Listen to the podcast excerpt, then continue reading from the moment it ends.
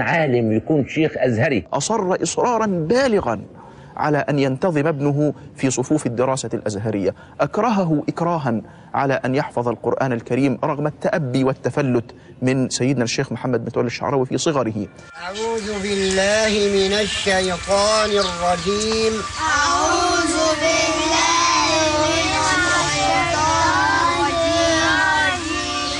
بسم الله الرحمن إلى كتاب الشيخ عبد المجيد اصطحب الوالد ابنه ليتعلم القراءة والكتابة وليحفظ القرآن الكريم. طلب الأب من شيخ الكتاب أن يغلظ على ابنه حتى يتم حفظ كتاب الله.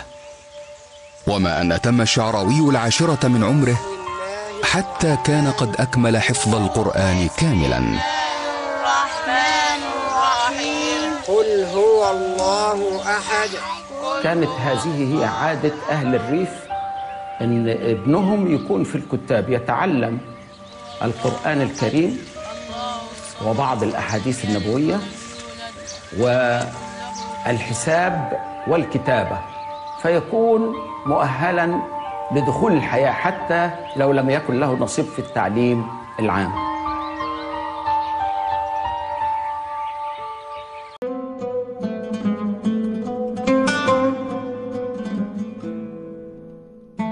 بسم الله نحرس هذا الرجاء. والحمد لله على نعمة هذا الشفاء. والله أكبر لطف حين قدر. وأزاح الغمام عن البدر فأسفر. فبسم الله والحمد لله والله أكبر.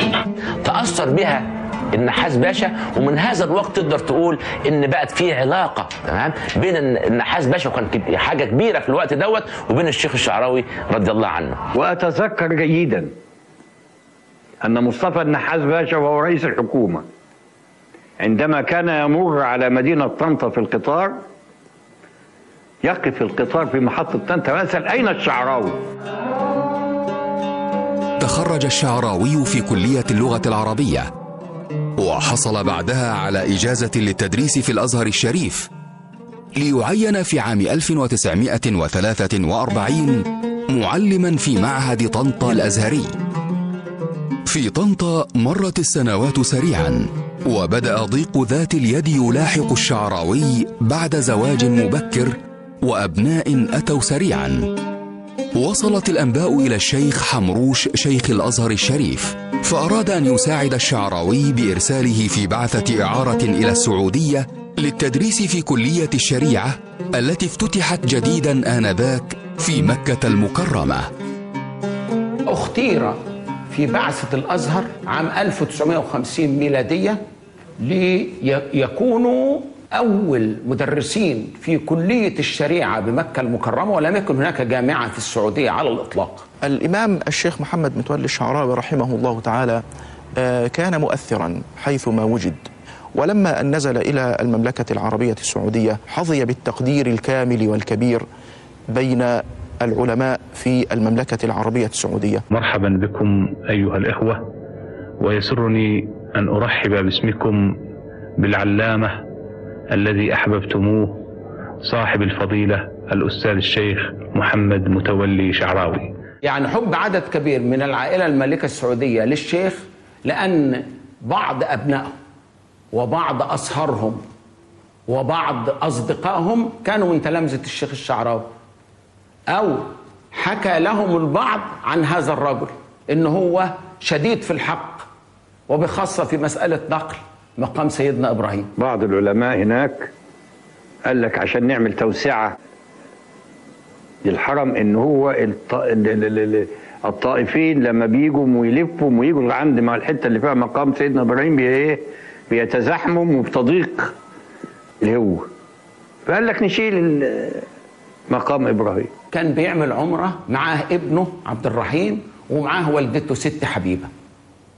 لقى غرفة ضخمة بجوار الكعبة بتبنى وبعيدة عن المكان اللي فيه المقام. فلما سأل قالوا له لا هننقل المقام إليها عشان نوسع المطاف للناس. فهو الشيخ قال لعبد الرحيم هدومك انت وستك وهدومي ما تشيلهاش من الشنط. كان عنده الأدلة ان مش عايز يحرك المقام من مكانه ده فعمل برقية وبرقية طويلة بيقول لي خدت يمكن غالبية مرتبه وبعتها للملك وبعدين الملك طلب إن هم يدرسوا الموضوع تاني معاه واستقروا على الوضع الحالي اللي موجود دوت إن مقام إبراهيم يفضل في مكانه بس بحجم. صغير اللي هو الحجم ال- ال- الفانوس اللي موجود فيه ده ويكون فيه زجاج عشان تستطيع الناس هي تشوف منه مقام إبراهيم عشان فيه آيات بينات.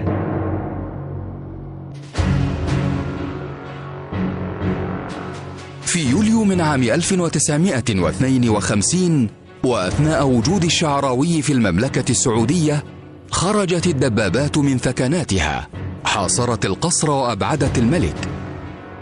تحمس الشعراوي كشأن الكثيرين للثورة المصرية. لكن سرعان ما تغيرت أمور جعلت مشاعره نحو الثورة تفتر سريعاً. علاقته بثورة يوليو يبدو أنها كانت علاقة آه، باهتة. شعر أنه شخص وفدي وأن حزب الوفد قد طويت صفحته أو كادت وأن مقاليد البلاد سلمت إلى تيار ثوري جديد لا يعرف معالمه. لا نستطيع.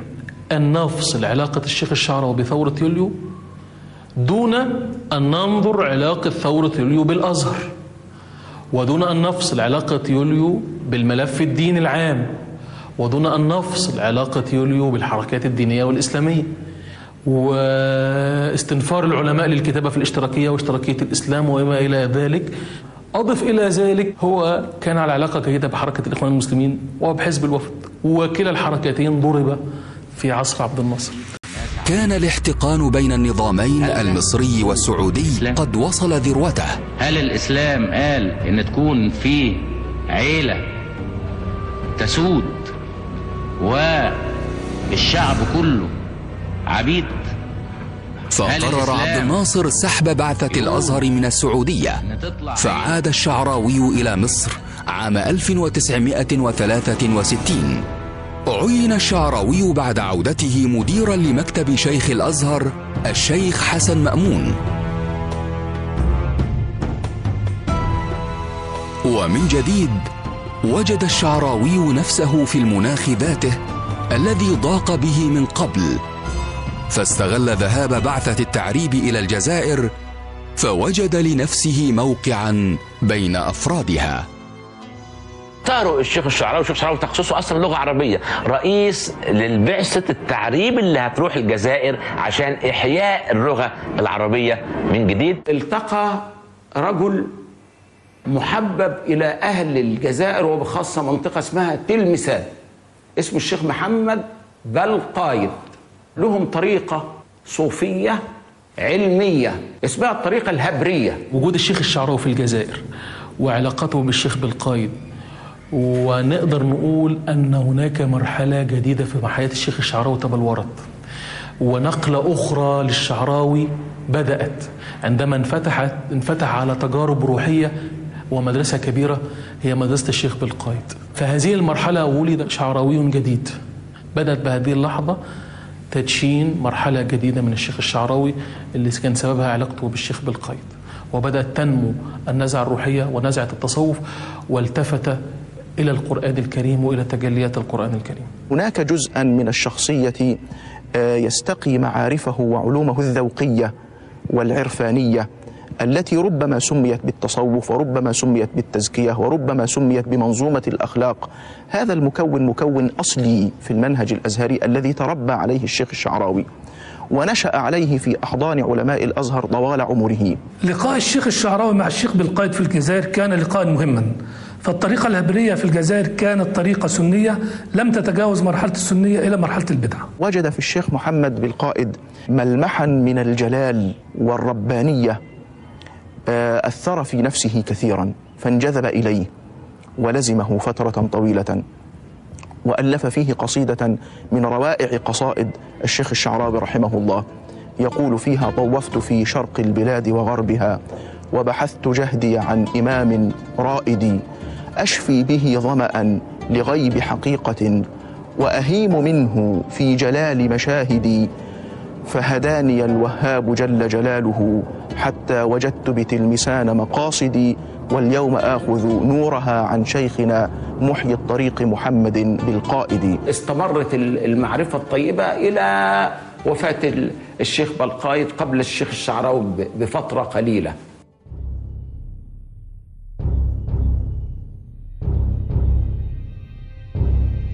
صباح الخامس من يونيو من عام 67 دك الطيران الإسرائيلي المطارات العربية.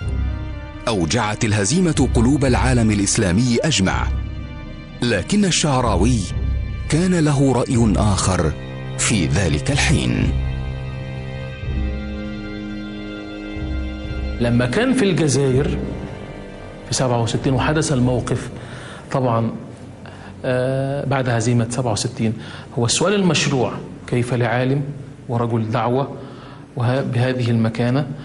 أن يسجد سجدة شكر في موقف هو نكسة للعرب وللمسلمين. لما حصلت نكسة يونيو البعض البعض ادعى إن الشيخ الشعراوي فرح لذلك لأنه كان يكره عبد الناصر. طب من قال لكم إنه كان يكره عبد الناصر؟ أنا الحقيقة هذا الموقف يعني آه، أثر فيا كتير واعتقدت أنه موقف غير وطني على الإطلاق من الشيخ الشعراوي وخاصة أنه مات في هذه الحرب آلاف من الجنود والفلاحين البسطاء اللي ما يعرفوش يعني إيه الشيوعية ولا يعني إيه ماركسية ولا ربما يعني إيه النظام السياسي اللي هم بيعملوا فيه ولكن بيحاربوا في سبيل بلدهم وحرية بلدهم. اتهام الشيخ الشعراوي بأن هذه السجدة موقف غير وطني هذا رأي مجافي للحقيقة. ويحمل اتهامات غير مبررة وغير لائقة بحق الشيخ. فالموقف لابد أن نحمله على رؤية رجل الدين عندما ينظر إلى الأحداث السياسية. فدائما رجل الدين ينظر إلى موقع الدين داخل المجتمعات وداخل الدولة. ربما قرأ هذا الحدث بأن ظاهره فيه عذاب ولكنه باطنه فيه رحمة. عذاب أننا استعمرت الأراضي المصرية والعربية ورحمة لأنه انكسار للمشروع الاشتراكي داخل مصر. هذا هو تأويله وهذا هو تفسيره. في حقيقة الحال وفي ناس عملوا عليه حملة شعواء في هذا. ولكن أنا مقدر موقفه.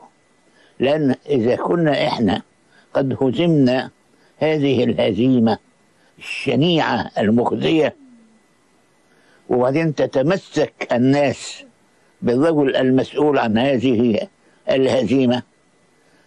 لو إن أنت انتصرت كان الناس حتى هي موقفه إيه؟ كان يستعبد الناس ولا الناس كانوا يعبدوه؟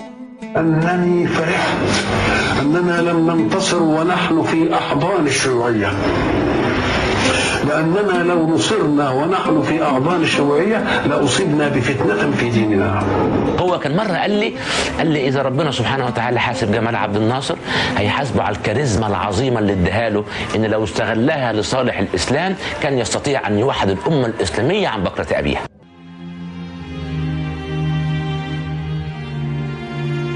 عام 73 وبينما كان الشعراوي قد جاوز ستين من العمر كان اللقاء بينه وبين الإعلامي أحمد فراج عن طريق صديقهما المشترك محمود جامع. لقاء سيغير كثيرا في حياة الشعراوي وسيفتح لرجل لم يكن معروفا لدى الكثيرين آفاقا تتجاوز حتى حدود الخيال. أحمد فراج عليه رحمة الله التقى بالشيخ الشعراوي في التلفزيون السعودي لا بيقول درس هناك فأعجب بيه وقال له ده محمود جامع كلمني وكذا. ورجع بقى كان بقى أول حلقة كانت عن الإسراء والمعراج وكانت حلقة ناجحة جدا. جاء هذا البروز الكبير والانتشار الواسع في مرحلة متأخرة من عمر الشيخ رحمه الله ما بعد الستين من العمر. وأرجع هذا في الحقيقة إلى عدة أسباب. أولها أنه قضى ما يزيد على 25 سنة من عمره خارج مصر. بدأ الشيخ الشعراوي نجمه يلمع مع بدايات ظهوره مع برنامج نور على نور مع أحمد فراج في مرحلة السبعينات وهذه المرحلة التي بدأت تظهر فيها فكرة الخطيب الكاريزما.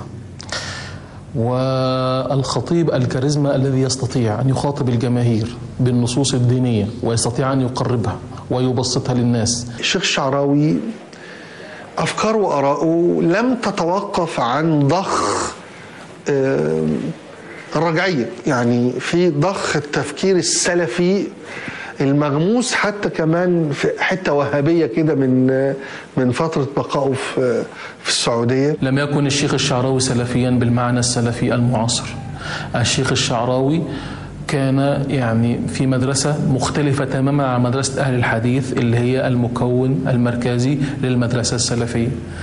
والشيخ الشعراوي كان صوفيا. كان أشعريا أزهريا وهذه الثلاثية تصطدم تماما مع فكرة التكوين السلفي. الشيخ الشعراوي كان عنده إدراك أن هناك تحركا في المركزية من القرآن الكريم إلى السنة النبوية. ولذلك قام الشيخ عليه رحمة الله بالرد على هذا الأمر ردا عمليا بإعادة المركزية مرة أخرى إلى القرآن الكريم. أدرك أن هناك طبيعة معينة لهذا العصر تستدعي تجديدا في معرفة الناس بالقرآن الكريم وهديه. وتصوراته الكاملة عن قضايا الكون والإنسانية والحياة والتشريع والقيم. كان على وعي بأسرار اللغة وعلى لا وعلى وعي بمفردات اللغة. وكان له حسه الذوقي والشاعري وكان له حسه الوجدان العالي. ومع هذا الوعي اللغوي الكبير كان يستطيع أن يبسط. نعم. يعني معناه اطمئن فإنه لو نظر أحدهم تحت قدميه لا يرانا. إزاي؟ قال لك لأن في معية الله. وما دام نحن في معية الله والله لا تدركه الأبصار فكيف تدركنا الأبصار؟ الله يفتح عليك. الله يفتح عليك. الشيخ الشعراوي هو صاحب أول وأهم تفسير تلفزيوني للقرآن الكريم. والحقيقة أن الشيخ كان بيفهم طبيعة الوسيط فهما جيدا ولذلك تعامل مع الجمهور تعامل واعي وحاول أن يربط التفسير بالواقع المعاش للمشاهد. ده كان في ظاهرة للشيخ الصوتي فهو الشيخ عبد الحميد كشك بس وده ظاهرة يعني جسدها انتشار الكاسيت لما كان الكاسيت هو الوسيط الأكثر انتشارا والأهم و و و يب- يبقى هنا الشيخ عبد الحميد كشك. لما التلفزيون اللي هو الأداء الحركي وتعبيرات الوش تعبيرات الإيدين الإيماءات كل ده يكسب هنا الشيخ الشعراوي قادرا على استعمال لغة الجسد. حركته ولفتاته وحركة يده ونبر صوته وتعبير وجهه وكانت أمرا لافتا للنظر. ليه؟ لأنك ساعة استنبته ذكرت المنبت. ما دام ساعة استنبته ذكرت المنبت يبقى يفضل في الحضانة على طول كده. إنما لما تنسى المنبت يقول لك خليه بقى للتيارات التانية ذكر نوعا من الأداء. أستطيع أن أسميه مسرحة الأداء.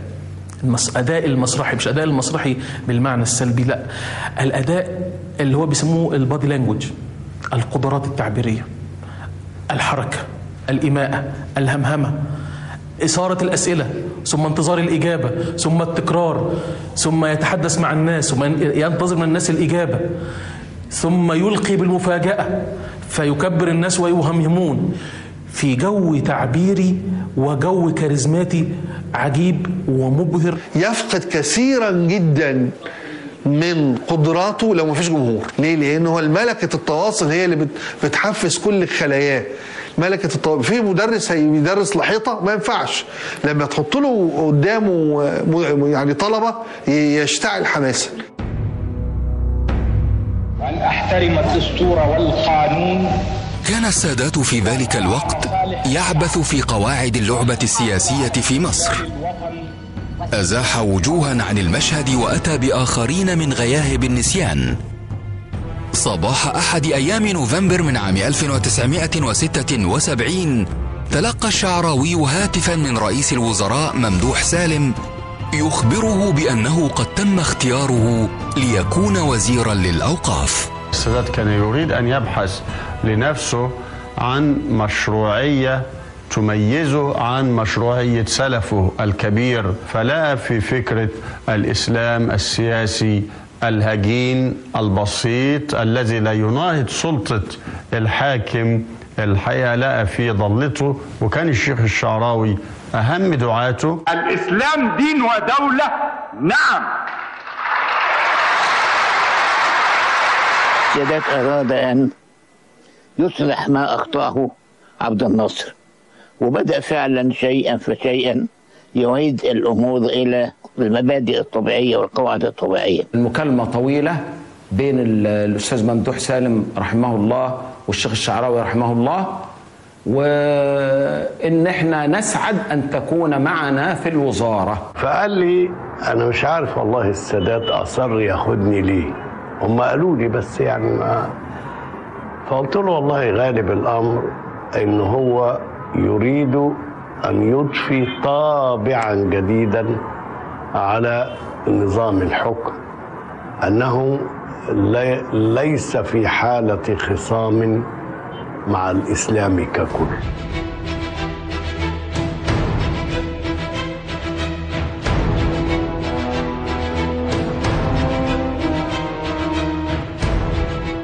لعب دور أساسي في تدعيم سلطة السادات ومن هنا كانت مكافئته بتوليته وزارة الأوقاف اللي أيضا يعني آه، استخدمها كمنبر لنشر أفكاره الدينية. يمكن أن يكون في النفس شيء. وطموح نحو السلطة وهو لا, يوجد إنسان مهما كان عالما أو زاهدا لم تراوده هذه الأمور يعني. لكن الشعراوي اكتشف سريعا أن مقامه الحقيقي ليس في الوزارة بل مقامه الحقيقي بين الجماهير. فوجئ بعد أن تولى مقاليد الوزارة بكم هائل من القيود والأغلال التي كانت تحد يده عن ينط- عن أن ينطلق كما كان يؤمل في خدمة الشرع الشريف. فوجئ بصدام هائل مع توفيق عويضة في المجلس الأعلى للشؤون الإسلامية وكان رجلا صاحب نفوذ ويمثل مركز قوى وقد تسبب في خلع وزراء أوقاف سابقين قبل سيدنا الشيخ الشعراوي وكان يمثل فسادا ماليا وإداريا عريضا. كان في هيئة اسمها هيئة الأوقاف وكان فيها واحد اسمه عويضة مركز مراكز القوه ما حدش يقدر عليه. يعني كان هو أقوى من الوزراء السابقين وكان ينصحه الشيخ له اوعى تقرب من ده. تصدى ليه وتوجه له. وفعلا لقى إن هو مركز قوة وإن في ضغوط شديدة جاية من عليه. لدرجه إن هو راح في مجلس الشعب وعملوا له آه، طلب إحاطة واستجواب في مجلس الشعب. وراح في مجلس الشعب وأيد مجلس الشعب في الاستجواب ضد نفسه.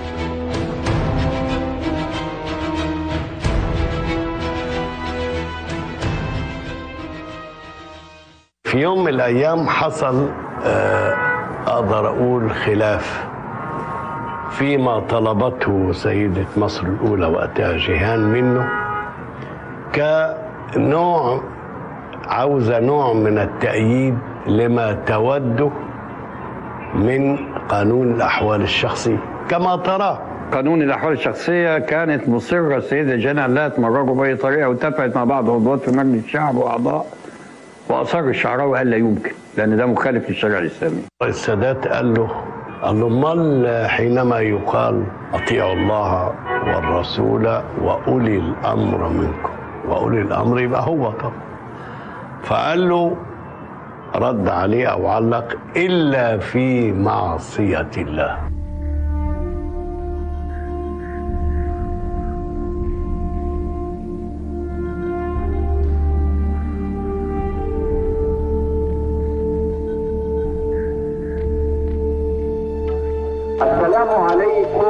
ورحمة الله. والسلام لنا جميعا بإذن الله. السلام لنا جميعا على الأرض العربية وفي إسرائيل. زيارة للقدس واتفاق سلام منفرد مع العدو الصهيوني.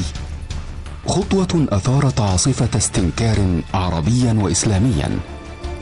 ورغم ذاك الاستهجان إلا أن الشعراوي بدا في وقتها صامتا أو راضيا. فلم يصدر عنه ما اعتبر وقتها تأييدا أو معارضة. موقف الشيخ الشعراوي من كامب ديفيد كان موقف عالم الدين التقليدي. فهو لجأ الشيخ الشعراوي إلى أمرين مهمين. الأمر الأول أنه بدأ يقوم بعملية هز للاستناد الشرعي الذي استند عليه بعض علماء الدين في تبرير اتفاقية كامب ديفيد. لا ما ياخدوش من الإسلام. الا وأطيعوا وأولي الأمر. أطيعوا أولي الأمر. طب ما أطيعوا الله الأول وأطيعوا الرسول. اشمعنى دي يعني اشمعنى دي اللي باينة قوي عندك؟ اشمعنى دي اللي باينة عندك؟ ليه؟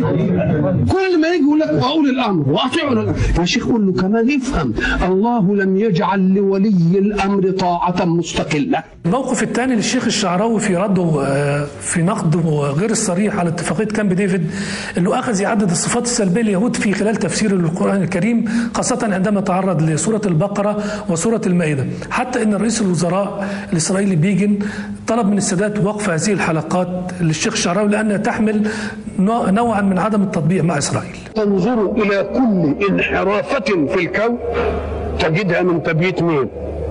من تبييت اليهود. كلهم مهما اختلفت رأسمالية شرسة من اليهود. شيوعية من اليهود. وجودية من اليهود. وناس يخرجون من المسلمين على الإسلام ويدعهم إنهم مهدويين أو أو أنبياء. برضو من مين؟ طبعا شيء بيقلقهم لما يجد هذا الصوت الذي يدعو إلى إيمانية معينة وإلى صوت الحق وعوده الحق الفلسطيني إلى أهله والقدس ومكانة القدس. كل دي حاجات طبعا لا تسعد آه، المتطرف الإسرائيلي. إلى حد إن إسرائيل طلبت رسم من السادات إن يوقف آه، تسجيلات الشيخ شعراوي خاصة لأنه بيعرض باليهود في سورة البقرة والإسراء والحاجات دي. وراح الكلام ده عند التلفزيون من ورا السادات ونفذوه ومنعوا تسجيلاته.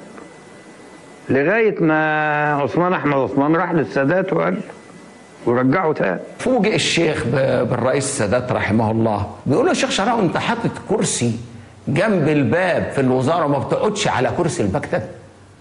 قام قال له أيوه صحيح. مين اللي بلغ؟ قال له بلغوني. ليه؟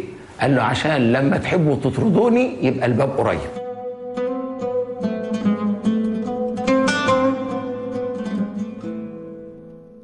واخش عليه في المكتب الاقيه قاعد على الأرض وحاطط الأوراق بتاع البوسطه على الأرض ويركب جنب السواق ومش عايز منظر الوزارة ولا المظاهر بتاعتها. الشيخ استمر في الوزارة فترة قرابة السنة وبعدين طلب اعفائه فلما الرئيس السادات رحمه الله رفض طلب تاني فالسادات في آخر مرة ضحك وقال له انتظر يا شيخ شعراوي خليك لغاية ما الوزارة كلها تمشي. وقد كان. كان الرئيس السادات يخطب في مجلس الشعب. بتوع الجماعة دي اللي بره وراه بيقولوا له قولوا ما تخافش. هاجم الشيخ المحلاوي منبر ولا توقفك الحكومة. وقال مرمي في السجن زي الكلب. فانتفض الشيخ شعراوي. وقام من فوره إلى سماعة التليفون. وطلب مكتب التلغراف وقال له خذ مني البرقية دي. السيد الرئيس أنور السادات رئيس جمهورية مصر العربية. إن الأزهر الشريف لا يخرج كلابا ولكنه يخرج دعاة أفاضل وعلماء أجلاء. كيف يعرف الإنسان أنه من أهل الدنيا أم من أهل الآخرة؟ أنا عايز مقياس كده تقول لي عليه. كانت شعبية الشعراوي تتزايد عاما بعد آخر. وبدأ صيته يجاوز الآفاق عالما يفسر القرآن بأسلوب سهل وبسيط وميسر لم يعهده الناس من قبل. يجذب الألباب قبل الأسماع ويأسر نفوس السامعين بالمزج بين تفاصيل حياة الناس اليومية وتفسير المعاني القرآنية. لكن الشعراوي وإن كان قد أجمع عليه الشارع المصري والعالم الإسلامي فإن هذا الإجماع لم يتحقق له أبدا بين نخبة من أدباء ومثقفين سرعان ما اصطدمت به. خاض عدد من المعارك. كان أشهر هذه المعارك لأنها كانت معركة آه، أخذ ورد ما بينه وبين توفيق الحكيم. توفيق الحكيم آه، كتب مجموعة من المقالات في الأهرام كان بيكتب يوم الاثنين آه، حديث مع الله. وقال أنني سوف أحدث آه، الله سبحانه وتعالى طبعا وأنه ربنا حيرد علي. طبعا هذا الكلام استفز الشيخ الشعراوي فنشر في اللواء الإسلامي آه، أنه يعني مثل هذا الكلام هو كلام زائر وضال ويتهم صاحبه بالضلال كيف يتحدث الإنسان مع الله. فبدأ حواره مع توفيق الحكيم مطالبا إياه أن يغير هذا العنوان وأن يغير الفكرة والفلسفة التي بنى عليها عنوانه هذا. وانضم إلى النقاش في تلك الفترة الشيخ موسى شاهين لاشين والدكتورة عائشة عبد الرحمن بنت الشاطئ والدكتور أحمد عمر هاشم فكانت معركة من كبريات المعارك الفكرية والثقافية في مصر في تلك الفترة. اعتذر إلى حد كبير توفيق الحكيم بأنه كان يقصد أنه رمزيا وليس واقعيا أن ربنا تحدث إليه. وعدل آه، آه، مقالاته بعد كده يمكن مقالتين بعديهم بعنوان حديث إلى الله وانتهت المعركة. عند هذا الحد. الكاتب يوسف إدريس هاجم الشيخ الشعراوي هجوما بالغا في كتاب اسمه فقر الفكر وفكر الفقر واحتد في حق سيدنا الشيخ الشعراوي. وصف الشيخ الشعراوي بأنه راسبوتين وممثل نصف موهوب وأنه يجيد استخدام ملامحه وحواجبه و- وإيديه كانت حالة الهجوم متبادلة يعني ما كانش في طرف هو الذي يقدم الهجوم أو يفعل أو يهاجم وطرف آخر مستكين الطرفين كانوا في حالة آه، صراع وحالة آه، تربص وحالة انت- انتزاع. و... وربما هذا الصراع يوضح آه، مدى إيمان آه، الجماعة المصرية أو الجماعة السياسية أو الجماعة النخبة بفكرة الحرية والتعددية؟ كتير من منتج الشعراوي الفكري كان محل نقد وجهة نظري على الأقل. وكان الكلام لو قريته دلوقتي تكتشف إنه يعني حد بيناقش يعني لكن لأنه أنا كنت شاب صغير قوي وقتها فرأى إنه كان بحاله من القداسة أو التقدير اللي وصل درجة القداسة وجماهيرية النجم.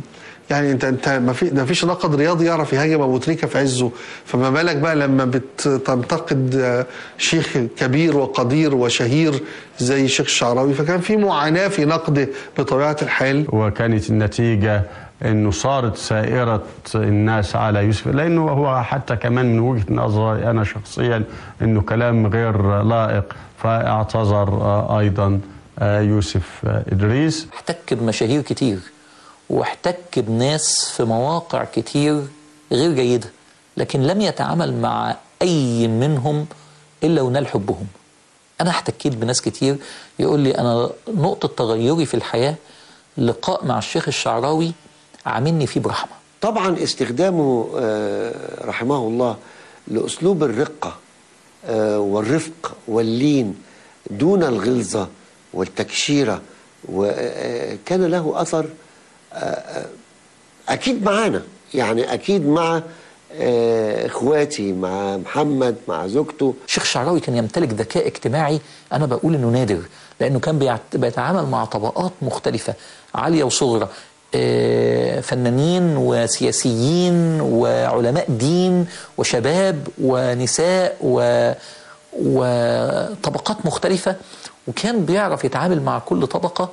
دون أن يشعروا أنه هو غريب عليهم. الإمام متولي الشعراوي لما كنت تروح له وتعرض عليه واحد جاي يقول له أنا أعمل إيه أو أنا أتوب إلى الله إزاي أو أنا أستغفر ربنا إزاي وكان سبحان الله الولاد أو الشباب أو الناس اللي كانوا بيروحوا مجرد ما يستمعوا ويلتقوا بالشيخ الشعراوي كان له تأثير عجيب. خلي بالك هو كان فاهم دنيا. يعني هو ما كانش منعزل عن حياة الناس. ففاهم كيف يحيا الإنسان. وبالتالي لما بيتعامل مع الطبقات المختلفة بيوجههم ويفاجئوا إن هو فاهم تفاصيل حياتهم. لأن أنا كما قلت من مميزاته إنه رجل شعبي جاي من جاي من الشعب مش جاي من مش مش درس في الأزهر في برج عاجي أو أغلق على نفسه وبعدين لقى نفسه بيقول كلام للدين وما احتكش بالواقع. هو مدرك الواقع بأبعاده. كل دون خلى تأثرهم بيه يوادي تأثرهم بكلامه. بدت المعارك في تلك الفترة وكأنها صارت قدرا للشيخ الشعراوي. بعضها كان باختيار شخصي له للتصدي لآراء مخالفة وبعض آخر منها كان رغما عنه. التباس في المواقف تحول سريعا إلى احتقان شديد واضطراب صنع حالة من الغضب بين أبناء مصر المسيحيين تجاه الشيخ الشعراوي. كان في نوع من عدم الراحة يعني في العلاقات. يعني كان فضيلته كان يفسر العقيدة المسيحية بطريقة إحنا لا نقبلها فكان لابد قداسة البابا يرد. العملية دخلت في تفسيرات أفهم جيدا أنها يعني لم تسعد إطلاقا بل أغضبت إخوتنا أقباط مصر فحصلت نوع من الحساسية أو الجفوة بينه وبين الكنيسة إلى أن مرض الشيخ الشعراوي وذهب إلى لندن في العلاج وفوجئ أن البابا شنودة قد أعطى تعليماته للأطباء الأقباط في لندن بأن يرعوا الإمام كما لو كان هو شخص البابا شنودة. تأثر الشيخ شعراوي تماما من هذه اللفتة الكريمة وعندما عاد يعني التقى بالبابا شنودة لقاء حافلا يعتبر لقاء تاريخي في الكاتدرائية. لا تتخيل وإحنا داخلين إلى جنينة الكاتدرائية. لم أرى وجه أقباط مصر بهذه السعادة وهم يروا الشيخ الشعراوي بقدره ومقامه يأتي بنفسه وليزور قداسة البابا أول ما شاف فضيلة الشيخ قداسة البابا قال له يا سيدي فضلك وفضل أولادك طوق عنقه. هذا اللقاء أمثولة لغيرنا في أن يلتقوا إن شاء الله. لأن المهم ليس لقاء الأفراد بقدر ما هو التقاء الرموز. حسم الخلاف برد واحد خد أقل من دقيقة ونص. قال لهم حينما نتكلم عن نقاط اللقاء بيننا أي بيني وبين قداسة البابا لن يبقى من الوقت لنتكلم عن نقاط الخلاف. كان الحوار فيما اتسع, ما اتسع لنا فمرحبا به وإن كان الحوار فيما يؤجج فروعا نختلف فيها فما أغنانا عنه.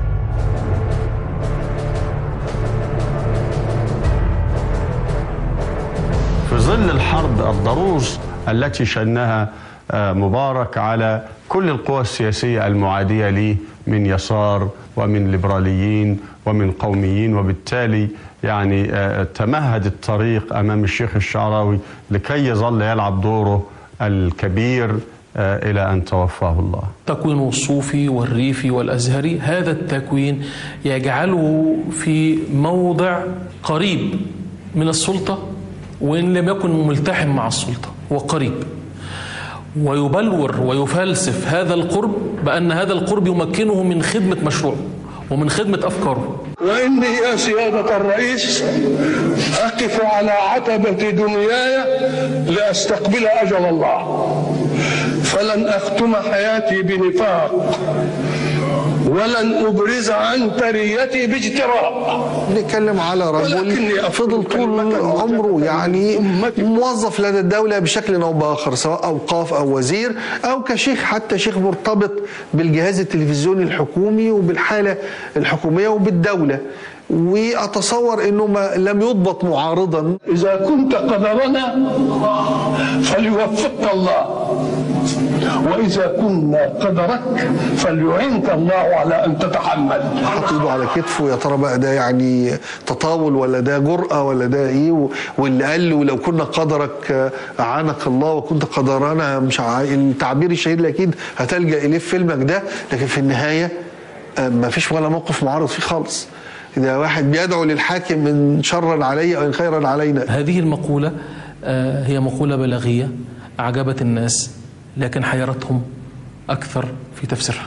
عبارة خطيرة للغاية لأنه يلمح فيها إلى شيء من عدم الرضا للأوضاع القائمة.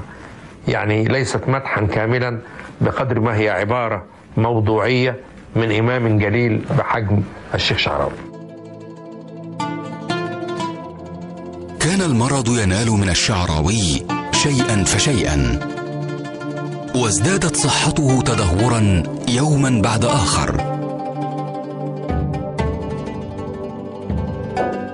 الحمد لله رب العالمين والصلاة والسلام على أشرف المرسلين وخاتم النبيين ورحمة الله للعالمين سيدنا محمد.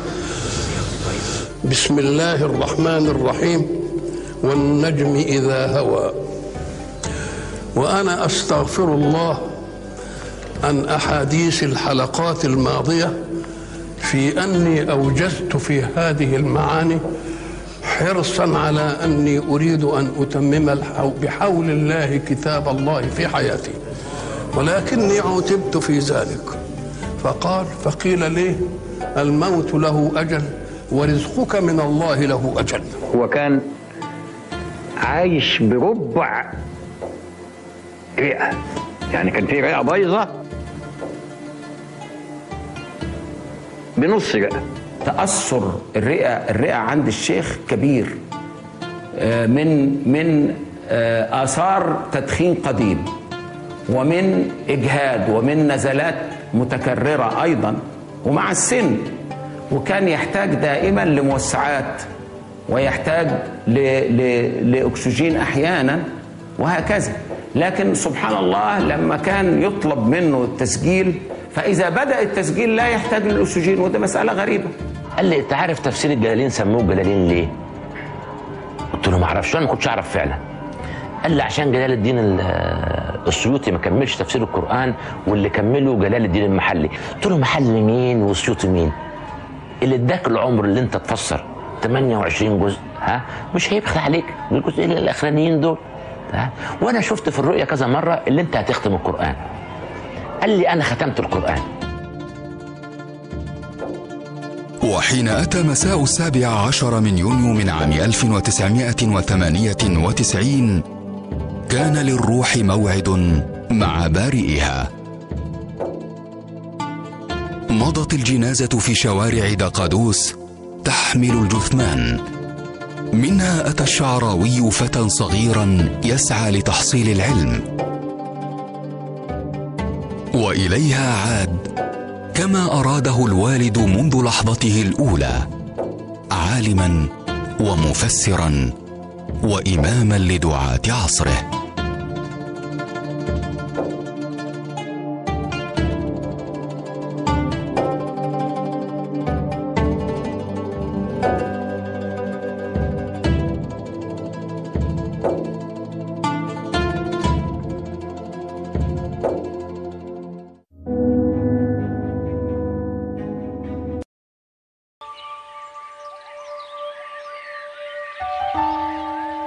كان والده يقول له إذا حفظت قصيدة من شعر شوقي لك عندي خمسة قروش. على كل قصيدة تحفظها.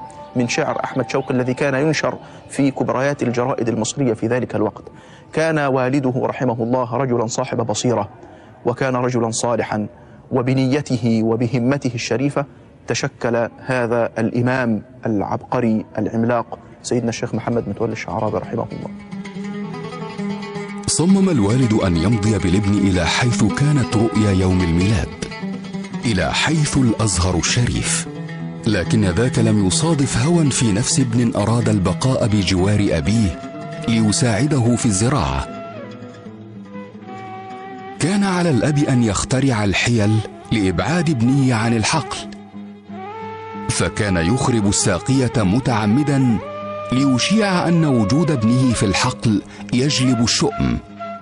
وما أن أتم شعراوي عامه الخامس عشر حتى اقتاده الوالد إلى معهد الزقازيق وسط محاولات متكررة من الابن للتهرب بشتى السبل. كان الشيخ شعراوي مش عايز يخش الأزهر بأي طريقة إلى حد إن هو في ال- الاختبار الشخصي حط في عينيه مادة كاوية عشان خاطر يبقى نظره ضعيف جدا. حط شطة في عينيه عشان تبان إن هو آه، عينيه حمراء ولما يكشفوا عليه ما ما يقبلوهوش واكتشف الحكاية ديت الشيخ اللي بي إيه؟ يمتحنه. إلى حد إن هو قال له لما كشف الحكاية قال له لا أنت ناجح يا ابن كذا. اتفق مع بائع الكتب قبلها إنه إذا أحضرت والدي وأتيت ما هذه الكتب الكبيرة الموجودة على الأرفف؟ شرح نهج البلاغة لابن أبي الحديد في 15 مجلد تنزله. وما أدري إيش من الكتب تحضره. فلما أن ذهب معه والده إلى محل شراء الكتب قال الشيخ الشعراوي لبائع الكتب هات الكتب المقررة على هذا الصف من صفوف الدراسة في الأزهر. فما زال الرجل يحضر الكتب ويكومها أكواما أمام الشيخ الشعراوي حتى تكلف والده فيها جنيه كامل في فترة العشرينات أيام أن كان الجنيه ثروة هائلة. اضطر لبيع الجاموسة وبيع الجاموسة عند الفلاح مسألة مش سهلة لأنه على ما يجيب واحدة تانية لازم يحوش كتير. اشتروا مجموعة الكتب ديت كتب كانت تقيلة والده أجر عربية حنطور وخدوها لحد ما راحوا البيت. الكتب بتاعها مجلدة وثمنها غالي. فيذكر سيدنا الشيخ الشعراوي أن والده ركب القطار وجلس فيه ووقف هو على المحطة ينتظر انصراف القطار بوالده حتى إذا ما كاد القطار ينطلق. قال له والده يا ولدي لا تظن أنك قد خدعت أباك. أوعى تظن أنك أنت خدعت أبوك. أنا عارف إنه الكتب اللي أنت اشتريتها مش هي مستوى التعليم اللي أنت فيه. لكن ما دام ما أنت جبتها ربنا ينفعك باللي فيها. فكان سيدنا الشيخ الشعراوي يقول أظن أن هذه الدعوة في تلك اللحظة من أبي هي السبب في كل ما هيأه الله تعالى لي من علم ومعرفة بعد ذلك. وده كان الموقف الفارق اللي تقدر تقول من هذه الساعة أصبح الشيخ الشعراوي قلبا وقالبا ضمن الأزهر وحط في دماغه إن هيطلع شيخ وياخد العالمية ويكون إيه؟ أزهري. إبان لحظة كانت مصر تنتفض فيها في وجه الاستعمار الإنجليزي كان أهل قرية دقادوس حاضرين في ذاك الكفاح نافين عن أنفسهم عار الخيانة التي قام بها قديما أحد أبناء القرية لأحمد عرابي القائد العسكري خنفس. وتسببه في هزيمة المصريين في معركة التل الكبير. إرث وطني كان على الشعراوي أن يحمله خلف ظهره وهو في الطريق إلى معهد الزقازيق. هبت ثورة 19 والشيخ الشعراوي في مقتبل العمر في سن الثامنة من عمره.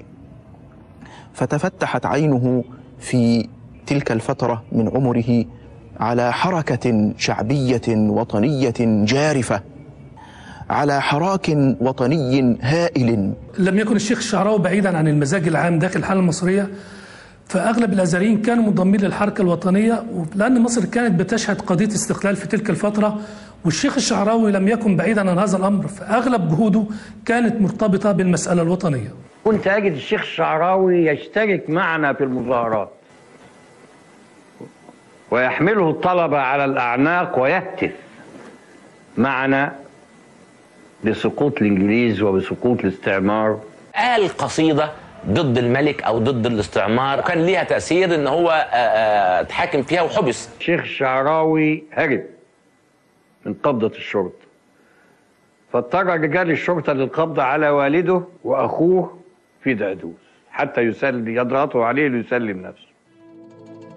عام 1937 أنهى الشعراوي الدراسة الثانوية في معهد الزقازيق. فانتقل إلى القاهرة للالتحاق بكلية اللغة العربية في جامعة الأزهر الشريف. صادف الانتقال إلى القاهرة انتقالا آخر لرجل قدم من الإسماعيلية باحثا عن أفق جديد لجماعته التي أسسها في الإسماعيلية منذ أعوام عدة. ذاك الرجل كان اسمه حسن البنا. آه، عرف الشيخ حسن البنا. ولازمه فترة طويلة وتأثر به تأثرا كبيرا. ورأى في الشيخ حسن البنا أنموذجا مخلصا حارا في خطابه نابضا آه، ممتلئا بالهمة والرغبة في خدمة الدين. تعرف بالشهيد حسن الإمام حسن البنا في القاهرة وانضم معه هو والشيخ البقوري وكتب بخط يده أول بيان بإعلان إنشاء جماعة الإخوان المسلمين. كان أول إعلان أو منشور أو بيان يصدر باسم جماعة الإخوان المسلمين من إنشاء قلم الشيخ الشعراوي رحمه الله وعرض ساعتها على الشيخ الباقوري فأثنى على هذا البيان ثناء عظيما. وعرض على الشيخ حسن البنا فسر به سرورا بالغا. انضمامه لجماعة الإخوان المسلمين هو أستطيع أن أصفه بأنه نوع من الارتباط بالشيخ الحسن البنا. هناك الكثير من علماء ومن مفكرين ومن شخصيات عامة كانت مرتبطة بدوائر ارتباط بحسن البنا الذي يستطيع أن يصنع روابط ويصنع علاقات وكان ماهر في هذا الأمر. فكان له روابطه الشخصية بالإضافة إلى الجامعة فالشيخ الشعراوي كان من هذا النوع المرتبط بالشيخ حسن البنا بأفكاره بشخصه. لكن كان ارتباطه السياسي الحقيقي للوفد. في تلك الفترة كان الشيخ الشعراوي يجمع ما بين الانتمائين دون أدنى تصادم فهو وفدي إخواني. الشيخ الشعراوي كان من العدد القليل جدا الأول الذي انضم للإخوان. وكان يمكن لو إنه صار معهم أن يكون كالشيخ الغزالي أو الشيخ القرضاوي أو حتى يمكن أكثر من كده. ولكن في أول نزاع أو صراع ما بين الإخوان والوفد ترك الشعراوي الإخوان وانضم إلى الوفد.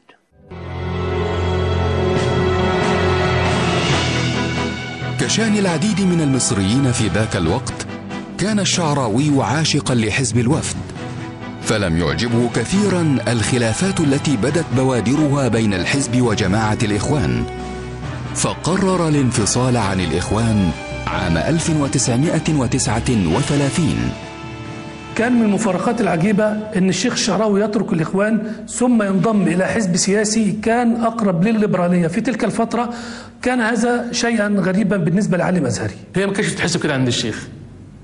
على فكرة علاقته بالوفد ما لم تكن علاقة بأنه حزب ليبرالي. أبدا.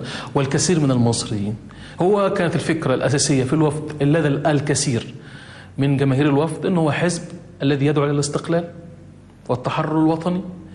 والذي يدعو إلى آه، الدستور. الطبقة الشعبية لجماهير الوفد غالبا كانت طبقة محافظة اجتماعيا ودينيا. ارتبط الشيخ الشعراوي بهذه الحركة الوطنية وتحمس لها ورأى عن قرب سعد زغلول وزاره ورأى الجماهير والوفود وهي تأتي إليه للتفاوض والتشاور في الشأن الوطني.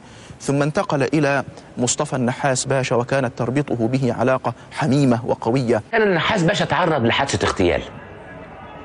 ونجي منها. ربنا سبحانه وتعالى أراد له النجاة. فجه الشيخ قال بيتين من الشعر أو مقدمة من النثر كانت قوية جدا.